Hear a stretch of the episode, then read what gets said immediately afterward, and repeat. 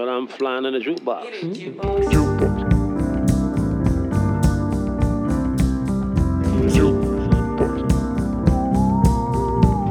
The flying jukebox.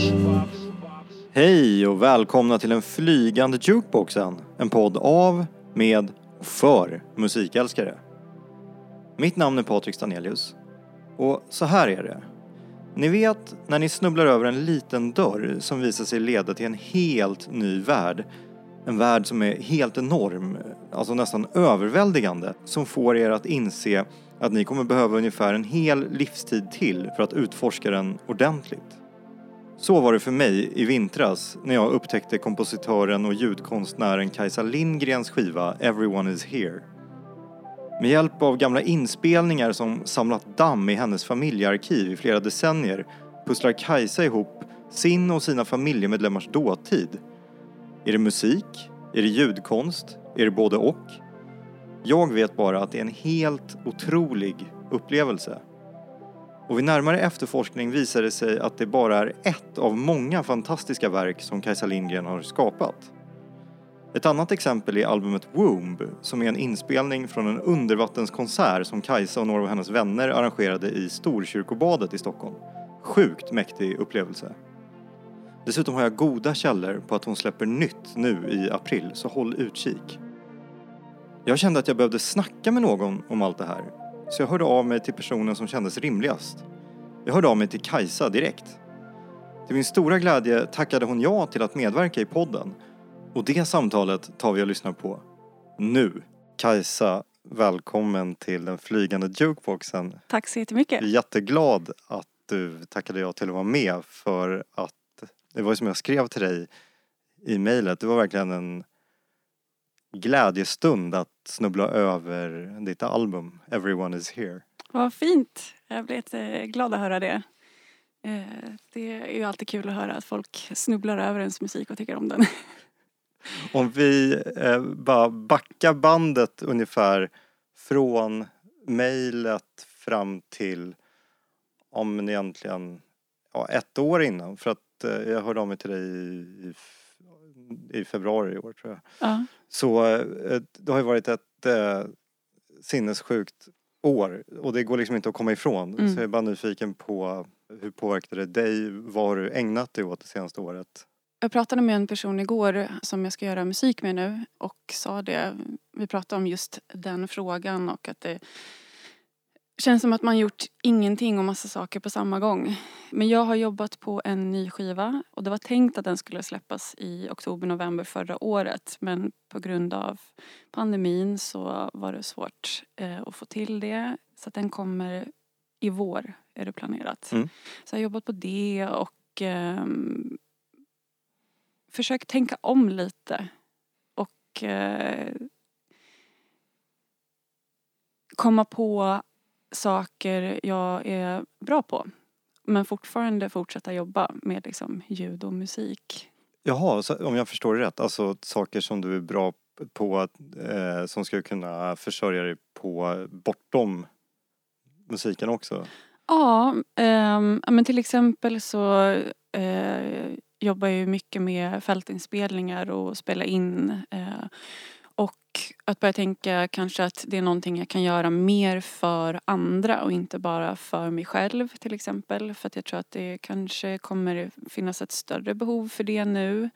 Jag har en kollega som eh, är kompositör och eh, slagverkare och han berättade nyligen, han är även filmare och sa att han har aldrig haft så mycket jobb som nu för att det är så många som vill livestreama konserter och sånt där. Så att det kanske dyker upp lite nya yrken, eller inte nya yrken men att de kanske blir mer eh, behövda. Mm. Men du har någon sorts eh, pragmatisk inställning till... Eh, Jag försöker. ja.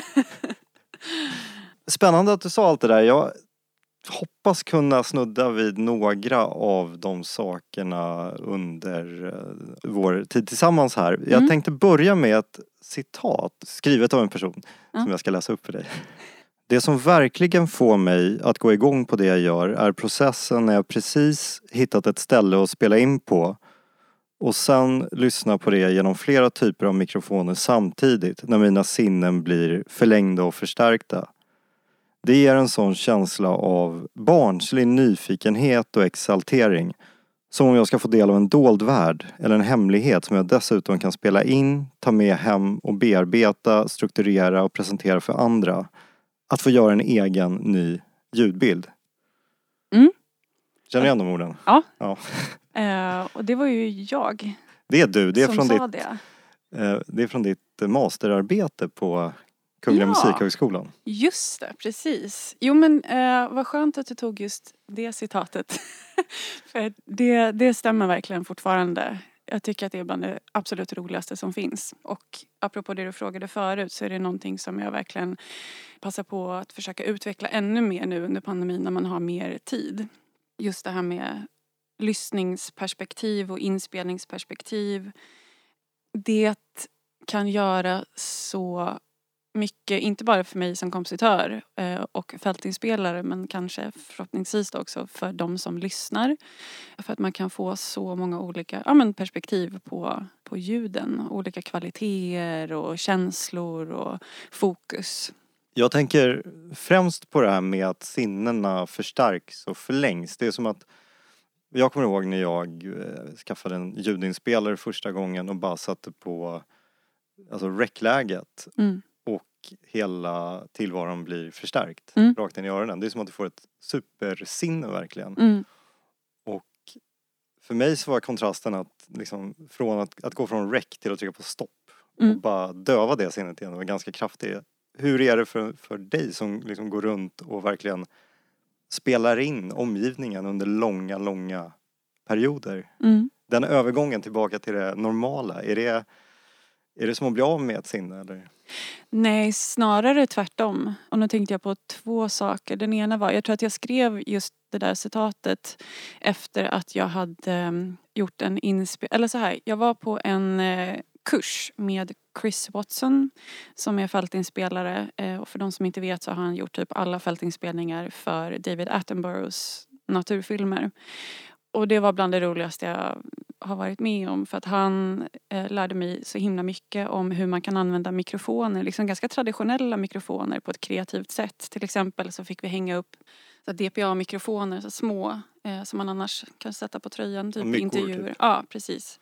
Hänga upp en galge i ett träd. För att jag är ju inte uppe i ett träd och då blir det ett annat ljudperspektiv. Även om jag hör miljön där så blir det något annorlunda bara för att det är lite högre upp. Alltså enkla saker. Ehm, men just det citatet skrev jag efter att jag var ute i Flemingsbergs naturreservat tror jag. Eh, och hade gjort lite inspelningar med hydrofoner som jag hade placerat i olika, längs en bäck och det, var, det fanns liksom ett parti med is så jag grävde ner en hydrofon bakom is. Jag hade Det är alltså mikrofoner som kan spela in under vatten. Ja, exakt. Så det var en under is, typ 20 meter bort och sen så var det en mikrofon under vatten, en ovanför vatten. Ja men liksom testa lite olika perspektiv. Så får man ju en större helhet av miljön man befinner sig i eh, som inte är tillgänglig i stunden för mig som lyssnare. Och eh, sen så gör du ju grejer med de här ljuden och det ska vi komma till. Men min fråga, har du varit ute mycket och spelat in eh, is nu i vinter? Inte nu i vinter tyvärr, men det var en annan grej som jag kom på där. För att jag kommer inte ihåg om det var under min master eller slutet av min kandidat där på Musikhögskolan så gjorde jag ett projekt ute på en ö i Stockholms skärgård. Och då hade jag, jag var, eller är väldigt välbekant med den miljön sedan innan. Men så gjorde jag liksom som en, någonting jag brukar göra är både hitta ett ämne men också göra som att jag mappar ljud på en karta. Eh, liksom rent visuellt. Så jag hade en bild av ön och så placerade jag ut liksom markeringar var jag skulle göra fältinspelningar. Och sen så spelade jag upp dem samma gång. Så det är som att man hör hela ön samtidigt även fast man är på en plats. Men då var det i alla fall jättemycket is runt ön. Och det är bland de finaste ljuden man kan spela in. Tänk på något Åh. sjukt och farligt som gör dig glad. Det här är ju ett av mina absoluta favoritband. Läsa dina tankar nu. Ord för ord, rad för rad. Tänk på något mjukt och härligt som gör dig svag. Jag ska plocka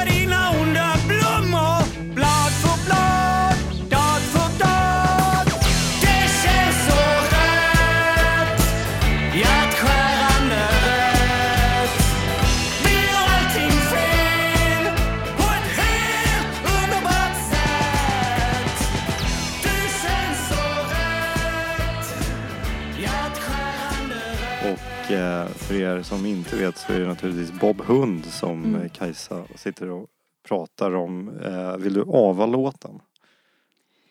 Eh, gud vad pinsamt. Nu satt jag bara och pratade och glömde såklart bort titeln på låten. Vi lyssnar på Mm, Hjärtskärande rätt. Exakt, Från, det är eh, en av mina favoritlåtar ja. dessutom. Men Ja. det här är en grej med mig faktiskt. Jag är jättebra på att komma ihåg ansikten men helt fruktansvärd på namn och titlar. Det försvinner. Ja, men det är kanske enklare så. Det är typ värre om det var tvärtom. Ja, Då skulle man behöva be om ursäkt hela tiden. faktiskt. Så det kanske är en bra, en bra grej. Du är en eh, Bob Hund aficionado, Ja. vågar jag drista mig till. För att eh, du har en eh, offentlig Spotify-spellista med Ja. typ alla Bob Hund-album på. ja. Det här är jag så himla nyfiken Det är liksom dumhet på något sätt men när en person som du jobbar med så otroligt, vad ska man säga, strukturlös eller åtminstone musik med en annorlunda struktur än vers, refräng, vers, refräng. Mm. och någonting som är så introspektivt som eh, mycket av det du gör är, så, så blir jag alltid nyfiken på så här, vad, vad släpper den här personen loss till? Mm. Eh, är det ambient med, som är 3 bpm snabbare eller Mm. är det någonting helt annat? Och det är, det, går, det är omöjligt att veta innan man frågar såklart. Mm. Men här är en av grejerna kanske. Mm, absolut. Jag går igång på typ motsatsen till det jag gör själv oftast. Mm. Och jag lyssnar jättemycket på pop, hiphop. Just nu lyssnar jag, eller det är inte så långt ifrån det jag gör men jag har lyssnat väldigt mycket på körmusik på sistone. Men just med Bob Hund och Alltså jag kommer ihåg så väl vilken känsla det väckte mig när jag började lyssna på Bob Hund. Och det var faktiskt mitt ex som introducerade mig för dem och det var liksom, vi gick på- deras spelningar tillsammans. Jag tror att det är det frigörande i deras texter och sätt att vara. Hur de gör musik, hur de är som band eh, och att man känner sån tillhörighet. Det spelar ingen roll vem man är. Alla möjliga människor gillar Bob Hund. Och det har varit så fint att gå på deras spelningar och man ser att det är allt ifrån typ 70-plussare till ensamma 14-åriga killar som står och dansar loss. Eller personer som mig eller ja, alla möjliga helt enkelt. Det är ett intressant gäng typer också. Alltså eh, Jonas Jonasson, Mm. kock. Han har också väldokumenterad synestesi. Mm. Att eh, man hör smaker, eh, Ah. smakar färger och ser ljud. Typ. Oj, vad intressant. Det visste jag faktiskt inte. När jag jobbade på Musikguiden så hade vi med honom och pratade om det. Och jag minns också att i musikbyrån, eller Studio Pop på SVT, så Mm. fick han laga mat baserad på musik han Nej, hörde vad och vilka färgassociationer som, som dök upp. Just det. Och så har vi eh, trummisen Christian Gabell som också gör eh, fantastisk musik både under eh, aliaset 1900 och under sitt eget namn också. Och eh, jag brukar ofta ha ganska så här långsökta kopplingar men jag tycker att det finns ett släktskap i Christian Gabells musik som 1900 och mycket av det du gjorde på Everyone is here. Alltså en, eh, det som att transporteras bakåt i tiden. Det finns en stark nostalgisk prägel på det som görs. I hans fall så är det ju jättemycket gamla alltså radio och grammofonsamplingar antar jag. Och, och så är det liksom kört genom de skevaste rullbanden en person kan hitta. Mm. Du jobbar ju på ett annat sätt. Mm. Men ehm, Ja, men det är jättekul att du säger det för att jag är ett enormt stort fan av hans musik eh, också. Och jag var och såg hans eh, föreställning på Orionteatern. Och det var ju en helt magisk upplevelse. Har du, såg du jag den? var där också. Ja. Nej, det går inte att beskriva med någonting annat. Det var helt underbart. Hur han verkligen hade skapat en, en värld med liksom sin värld. Eh, och det var så extremt inspirerande. Det är en väldigt speciell värld. Alltså det är ju någon sorts eh, nostalgisk skrotnisse, så här Europa i början på 1900-talet. Ja. ja, men det är det som är så fint och inspirerande med honom. Att han har ett superintresse, liksom är värsta nörden på det han gör och går all in, eller vad man ska säga, och visar att det går att göra det även fast det är en ganska liksom smal, nischad typ av musik kanske. Tips till alla er som inte har hört det i alla fall. Ja, verkligen.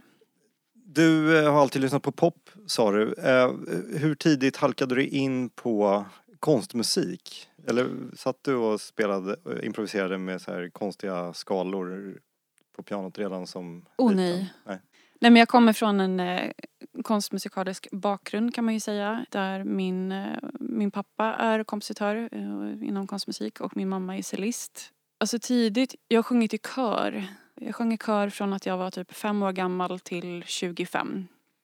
Fem dagar i veckan, konserter på helger och liksom var jättemycket inne i den, den världen. Så det har absolut påverkat musiken jag gör. Men jag har också starka minnen av att varje jul så fick jag och min syster, som är popartist, så fick vi... Ehm, han var väldigt noggrann med att vi skulle få en historisk bakgrund till musik. Tomten eller er far? Båda kanske. Nej men eh, han gav oss eh, varje år då under ett, eh, några års tid en skiva som var typ, vad vad var det de hette? Typ Music of the 60s, 70s, Ja, ja. 80s. Alltså att det var en kronologi där som vi fick ta del av för att se hur musiken utvecklades under, under några decennier. Sen hade vi också all möjlig typ av musik hemma. Man fick träffa folk som höll på med massa olika saker. Och jag ville bli jazzsångerska egentligen, eh, vilket jag började med under gymnasiet skulle jag nog säga. Men jag hatar att stå på scen. Så att det blev ju lite jobbigt men jag älskar att skriva musik. Så att jag fick tänka om lite där. Blev också ett enormt stort fan av Andrea Tarodis musik. Och hon var lite som en handledare för mig när jag var typ 18-19 kanske och skulle söka in till musikhögskolan i Piteå. Eh, för då gick jag den konstmusikaliska kompositionslinjen där. Eller västerländsk konstmusik tror jag att det heter. Så det fick ju ta lite olika vändningar och jag provade absolut på att göra liksom musik med popmusikstruktur. Men med lite andra ljud och influenser. Du nämnde det själv, din eh, syster Mm. gör ju musik och eh, uppträder under aliaset, eller artistnamnet Leon. Ja. Lirade på Coachella här om året. Ja, precis. Men det är inte så att du har spökskrivit någonting åt henne? Det kanske inte du vill avslöja här i så. Nej, nej, nej. Vi ehm, lyssnar väldigt mycket på varandras musik och spelar upp för varandra och bollar eh, jättemycket. Men eh, det håller vi Det sagt. separat. Ja. Men om typ Lykkeli hör av sig till dig, bara, du måste skriva någonting åt mig, skulle du göra det då? Absolut. Det hade varit jättekul. Det tycker jag är bland det roligaste när man får, som den här personen som jag ska jobba med nu framöver i år, att vi gör väldigt olika saker och att det är, det spelar typ ingen roll vad det är för typ av ljudmusik. Det är bara kul att få ta del av andras processer.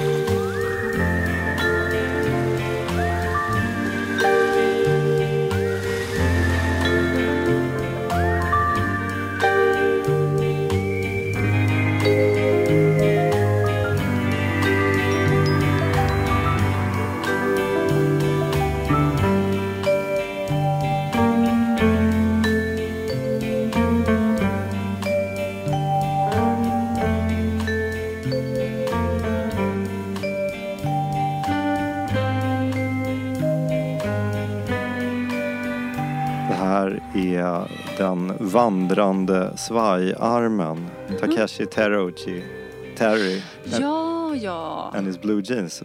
En bekanting Ja, som gör en eh, version av eh, den gamla Exotica-dängan Enchanted Sea. aha. Okej.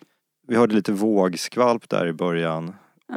och eh, när jag eh, tänker på dig och det du gör så känns som att det marina Mm. är centralt och ständigt återkommande Mm. i din tematik. Alltså idag är det väl typ årsdagen fast två, tre år tillbaka av inspelningen av Womb. Ja, exakt. Ja, men det är lite roligt att du tar upp just den här marina eller relationen. För att den är absolut inte avsiktlig. Men det har bara blivit så. Ja men till exempel med Womb då som var, släppte ett stort projekt. Men som finns som liksom vinyl och man kan lyssna på Spotify och så. Men hela projektet omkring är ju helt klart vattenrelaterat av flera olika anledningar. Bland annat så, jag komponerade musik och fick ha i åt, och där jobbade jag med intervjuer också. Eh, där folk fick prata om eh, ljudminnen. Och då mer specifikt, var det så att de skulle prata om favoritljud som var knutna till ett minne eller ett Mm. favoritminne som de förnimmade med hjälp av ljud? De fick tänka på ett minne som, eh, alltså från barndomen. Det var alla möjliga, det var någon som berättade om minnet av, och liksom hela känslan, stämningen, minnet runt omkring också.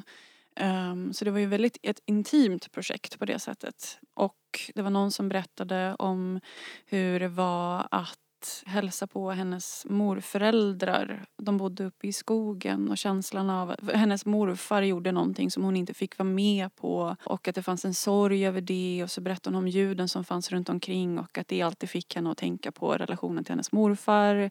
Sen så var det en annan, det var jättekul, en av mina stora idoler, Jakob Kierkegaard, eh, dansk ljudkonstnär, kompositör. Han är med också. Jag tog mod till mig och frågade eh, om han ville berätta lite om ljudminnen. Så han pratade lite också så. Hur som helst, eh, då så gjorde jag en komposition och fick ha i åtanke att de här, den här musiken ska spelas upp under vattnet. För vi med hjälp av eh, några helt fenomenala personer, David Granström som är kompositör själv eh, och programmerare. Han hjälpte till att ta upp liksom rummet, eh, fysiska akustiken under vatten helt enkelt. Som vi använde sen i bearbetningsprocessen, i själva mixningsprocessen av den här musiken. Så att det man hör på skivan är en slags, inte tolkning, men det är ett försök att få det att låta som om man låg i den här poolen då. Ja, det är en stereotolkning av någonting Ja. som sker på ett helt annat sätt. Ja. Ja, för att när eh, vi hade de här konserterna då på Storkyrkobadet i Gamla stan, jättefin plats. Då hade vi fyra högtalare, undervattenshögtalare som var placerade i poolen i varsitt hörn och så fick besökarna, eller publiken, eh, som var begränsad, man kunde inte vara för många, men då kunde man flyta omkring, man kunde simma under vattnet eh, och göra lyssningsupplevelsen till sin egen. Och det var bland de mest roliga projekten jag gjort någonsin. Var fick du idén ifrån? Var det efter att du hade varit på Liquidrom i Berlin och testat deras Mozartbad eller kommer det från något helt annat håll? Jag tror att grundidén var att jag var så less på konsertformaten och har funderat mycket på lyssningsupplevelse både för mig som skapar ljuden och musiken men också för publiken i sig. För att jag tycker själv om när jag får liksom Alltså det här är ju bara ett enkelt exempel men nu när jag kom hit så tog jag av mig skorna och satte mig i soffan istället för att liksom sitta propert och prata i mikrofonen. Men att man också under en konsert kan få röra på sig och känna sig fri i upplevelsen. Inte bara nu ska jag sitta ner och lyssna. Och så tog jag det väl till en slags extrem i ett rum som var helt obekant för mig själv också. Vilket är väldigt befriande. Jag tänker att det finns ett möjligt lager till där och verket heter ju Womb. Mm.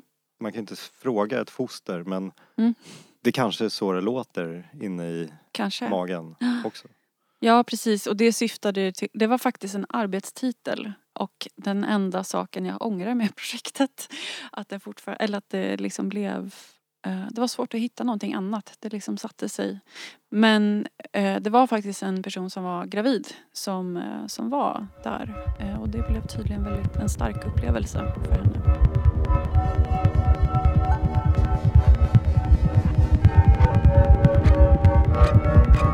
Det här får mig att tänka på typ, jag har undervisat en del på elektronmusikstudion eh, på sistone.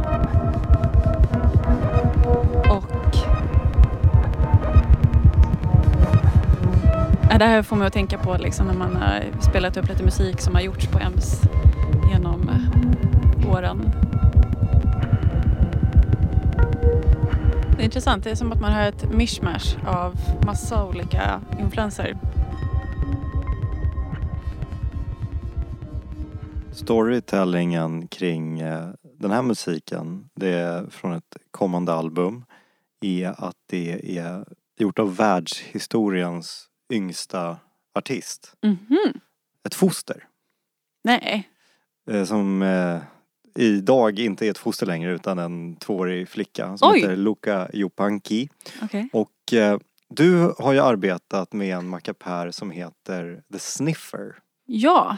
Och Jag säger ju, men för er som inte har läst Kajsas monsterexamen så kan, kan du beskriva kort vad det rör sig om. Det är en liten mackapär som eh, Just den sniffen hade jag inte gjort själv men en vän hade lött ihop den och den tar upp eh, magne- elektromagnetiska ljudfält. Så att om man typ låter det är en liten liten mikrofon och så är den kopplad till en lite större mackapär och så kan man sniffa på typ datorer eller saker så tar den upp ljud som man inte hör. Och i det här fallet så har eh, Luca Jopankis föräldrar använt sig av en liknande mackapär som man de placerat på mamman Elizabeth Shaw, basist i bandet Psychic Ills Mm. mage. Som har fångat upp eh, vibrationerna och eh, gjort om det till midi-data. Oj! Det här är den informationen som finns men jag antar att den midi-datan har de sedan matat in genom olika syntar och ljudgeneratorer. Men just pulserna och eh, ja, alla ljud har registrerats. Ja. Jätteintressant. Där är ju verkligen, för att återgå till det vi pratade om förut, det här med att förlänga sinnena liksom, och ta sig in i livmodern och lyssna till det här fostret, vad den ger ifrån sig. Alltså jag tänker direkt att det här är som en förlängning av vad många kompositörer har gjort och musiker, liksom att spela in sina barn. Men när de har fötts och haft med det i musiken. Det här är ju bara nästa steg som säkert, om man nu kommer sälja den här typen av verktyg så kommer det ju säkert bara expandera, tror jag. För mig handlar det allt om eh, ljuden Mm. här. För att eh, det skulle lika gärna kunna vara inte ett foster som har spelats in. Det, det, det går liksom Nej. inte att veta. Nej men som jag sa, bara, Ja. oj det här låter som eh, influenser av massa olika saker. Jag tänkte först tidig elektronisk musik, så här 60-70-tal, nästan lite Stockhausen-vibes. Och så kommer det in någonting annat bara, nej men det här känns jättemodernt. Men det hade ju varit intressant om det inte var något liksom syntljud, vad man skulle kunna använda, använda då. Men det är väldigt smart taktik. Också för att jobba med struktur. ja, spännande. Hur jobbar du? Börjar det med att du har en, en, en ljudvåg eller ett ljud som du liksom kör in i datorn och manglar skiten ur? Mm. Eller, du beskriver i, eh, i din uppsats att du eh, på något sätt tröttnade på kompositörbegreppet Mm. och känner dig frigjord när du börjar kalla dig för ljudkonstnär. Och det är Mm. lite som att, här kommer en superpretto formulering, men som att du liksom transcenderar instrumentet och bara jobbar med att manipulera ljud. Mm, Liksom att du eliminerar mellanhanden mm. eh, och Ja. blir instrumentet. Ja, men det var mycket därför som jag började jobba med fältinspelningar i kombination med att mappa ljud då rent visuellt som vi pratade om men också göra intervjuer. För då är det som att jag blir mer betraktaren eller liksom spindeln i nätet mer än att och det här betyder absolut inte att man inte har idéer själv utan snarare att jag vill ta in mer av min omgivning. um, och göra något eget av det. Men just med fältinspelningar där kan man ju göra så mycket. Det här kämpade jag lite med i början. Så här, hur, vad för relation ska jag ha till fältinspelningar? För det finns vissa, gud, alltså det är ju så många som använder fältinspelningar. Det finns ju alla typer av musikgenrer eh, nu eh, mera. Men eh, att ha, ska jag låta fältinspelningarna vara rena oprocesserade och liksom bara en struktur från liksom att jag tryckte, tryckte på startknappen till slut eller kan jag klippa i det, kan jag placera dem olika, kan jag göra lager, kan jag, ja, vad kan man göra med det här? Är det musik? Alltså bara den, eh, den frågan. Vad var det du frågade? Egentligen så är jag nyfiken på alltså, hur du jobbar. Har du, Ja. ett, har du ett linjärt arbetssätt? Eller? Nej. Nej. Nej. Nej, ofta börjar det med att jag, om jag har en fältinspelning till exempel, så brukar jag klippa ut det som inte är så självklart i inspelningen. Och för att ta ett ganska liksom tydligt exempel. Om jag har eh, en sån här undervattensinspelning så kan jag klippa ut det som dyker upp emellan två självklara ljud. Om jag är ute efter att, om jag vill ha kedjorna som låter under vattnet vid den här bryggan så brukar gå in i liksom mikrodetalj och höra vad som låter emellan de här kedjorna. Och så klipper jag ut det och så kan jag sitta och liksom, så här gjorde jag jättemycket med Everyone is here. Att jag liksom klippte ut små, små detaljer i ljudfilerna för att skapa liksom en egen tolkning av de ljuden som jag hade hittat på en gammal kassett. Det börjar ofta med liksom att klippa ut små grejer och sen så placerar jag dem random i ett projekt, i ett musikprogram jag jobbar i. Men då är det ändå linjär, alltså du, du har en linjär tidslinje som börjar på noll och går framåt. Eller har du, jobbar du i någon sorts liksom, friform Ja, gränssnitt? alltså den blir linjär på ett sätt. Ehm, men jag börjar inte nödvändigtvis vid noll. Utan Nej. jag kanske placerar någonting vid fyra minuter. Eller jag vet hur jag vill att det ska vara nära slutet. Och jag tänker inte mycket liksom på BPM eller tonart. Så. Vilken tonart har ett träd? Liksom? Ja, precis. Det är en bra fråga. Nej, men så att eh, det är mer stämningen och känslan i ett ljud som jag utgår ifrån. Ja men, eh, fan, varför inte när vi ändå snackar om det? nu blir det en, en deep cut för alla fanatiker där ute. Jag kommer att hoppa in kanske fyra minuter för det är då det, är då det verkligen börjar svänga i det här spåret. Mhm. Ja. Det här är också en av mina idoler. Jana Vinderen. Det, du plockar det ändå. Ja. Ja men det här är kul. Det här är en, en av mina favoritskivor. Och jag tror att det man hör här är små, små, små räkor. Helt Eh. otroligt tycker jag. Jag förstår att du har lyssnat jättemycket på det men det är så kul för att på musikquiz så brukar ju folk plocka Madonna på första trumslaget. Och så här. Ja. Du plockar Jana. Winderen på första räkan. Eh, nej men det här är, åh, hennes arbete är helt fantastiskt. Eh, och hon har ju en väldigt eh, intressant liksom, ingång i just det hon gör. För att hon var inte ljudkonstnär, kompositör från början. Utan marin... Fiskekolog. Fiskekolog, precis. Jag bara, nej men det var något ud- mer udda. Och jag fick faktiskt, jag hade ett residens på Notam i Oslo för två år sedan nu tror jag. Ehm, och då fick jag ha en eh, individuell lektion med henne. Och det, ja, det var ju fantastiskt att höra hennes eh, tankar kring ljud och att för henne handlar det mer om forskning. Mm. Eh, och att ta fram sånt som inte hörs eller är tillgängligt för, för oss vanliga människor. Och det är så detaljerat. Men vi är under vattnet nu. Ja. Det, Det otroligt. låter lite som en brasa också. Ja, alltså jag skulle komma till det. För att en sak som du, som du nämnde nyss eh, och som du också pratar ingående om i, eh, i din uppsats är det här med äkthet Mm. kontra manipulation av ljud. Mm. Vad, vad är reglerna? Och jag ska, jag ska sänka räkorna lite. Så att, även fast jag, tycker det är väldigt trevligt att ha på i bakgrunden. Bra eh, liksom, skrivmusik. Mhm. Ja, men, hur ska jag som lyssnare veta att det verkligen är räkor? Att hon inte bara mickat upp en brasa? Det är en bra fråga. För att för mig gör det inte, jag, jag kan, alltså, om du säger till mig att det är räkor Ja. och jag tror på att det är räkor. Ja. Så säger jag okej.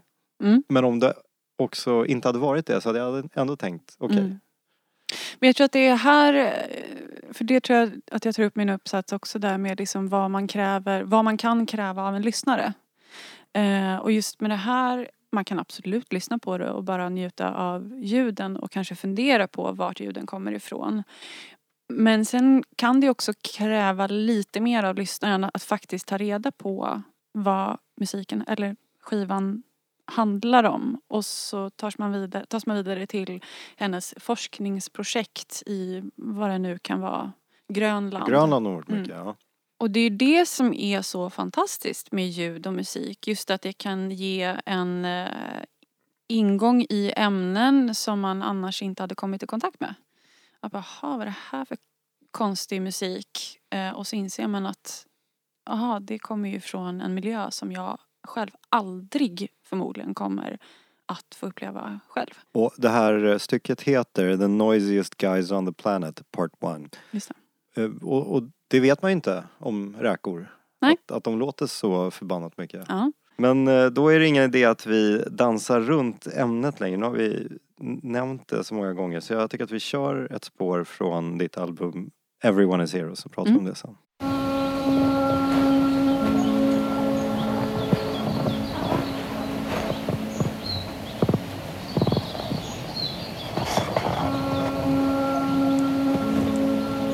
jag kan ju berätta lite om just det här spåret. För att man hör liksom det här lite knarrljudet. Um, om det är det här, gud, jag kan inte ens komma ihåg namn på mina egna spår. Är det här 1991? 1991. Ja. Ehm, för att jag hittade ehm, en, eh, min farfars gamla kassettspelare, Sony, jag har glömt vad den heter. Ehm, och i den, liksom, ingen har använt den på, sedan 1991. Eh, för det låg en kassett med fältinspelningar från Kålkulla 1991 där mina farföräldrar bodde. Var ligger det? I eh, Lerum eh, utanför Göteborg. Och de hade en gård och då är det min pappa som har gjort de här fältinspelningarna. Och jag har till och med kvar mikrofonen som man använder men det är liksom den man hör när han vrider vinklar och sånt där. Och sånt där älskar jag liksom när man hör att man inte klipper bort de där sakerna utan att man får ta del av allt i den processen och den är så otroligt intim. Liksom man hör hur han spelar in och flyttar mikrofonen och så hör man deras påfågel Ravi. Mer pitchad. Så här har ju bearbetat ganska mycket. Och de hade... Är det där Ravi? Exakt, det är Ravi. Jag kommer ihåg när vi var små, då- för då fanns han eh, fortfarande. Och det är massa saker som jag kan säga här. Ehm, men eh, så att det är Ravi och det är, de hade liksom en, eh, en gård där det fanns ett hönshus där de hade både höns och duvor. Och det är det man hör här, liksom vingarna som flaxar. Jag kommer ihåg på morgnarna när jag gick in Precis. Eh, med farmor när vi var små och plockade ägg som vi åt till frukost. Och sen när jag spelade upp det här för min pappa så var han liksom tyst en stund efteråt. Och det är någonting, vi pratar om det här med minnen. Och det är ju en sak att se ett fotoalbum eh, från när man var liten eller liksom genom ens liv. Men att faktiskt höra någonting väcker en helt annan typ av starkare känsla, tror jag. In, inte för alla nödvändigtvis, men det kan trigga känslor och minnen. Jag var inte ens där men när jag hör det här så jag blir väldigt starkt påverkad. Det känns dels som att kliva in i någonting väldigt privat. Mm. Men också en, en väldigt stark Mm. närvarokänsla. Att det verkligen är en värld som byggs upp. Men eh, det är en värld konstruerad ur minnet så att allting är inte eh, liksom 100% helt. Det är Mm. som skärvor som susar förbi och ofullständiga teckningar av Mm. någonting. Alltså en väldigt absorberande upplevelse att Mm. lyssna på. Ja, men just det här med som du sa att det kändes intimt eller personligt. Privat. Privat. Ehm, det var något som jag tänkte jättemycket på med, under arbetet med den här skivan. Just i och med att det är väldigt, den är ganska privat. Men hur man också gör det till någonting eget. Och jag tror att också det här med, för att återgå kanske lite till det vi pratade om, om Janas räkor och liksom att inte veta var saker kommer ifrån. Jag tror att det hade varit någonting helt annorlunda om jag hade hittat den här kassetten någon annanstans och jag inte hade någon typ av personlig koppling till materialet på skivan. För att nu kunde jag ändå säga, ja men jag ser framför mig, jag har hört de här ljuden. Så det är ju mitt också. Även fast det inte är jag som spelade in dem. Så det blev ju ett annat, mycket närmare perspektiv än hur jag gjort tidigare när jag intervjuat folk, spelat in deras minnen. Här blev det ju som en, en mix av, av båda. Kul! Tack Mm. för genomgången. Ja men eh,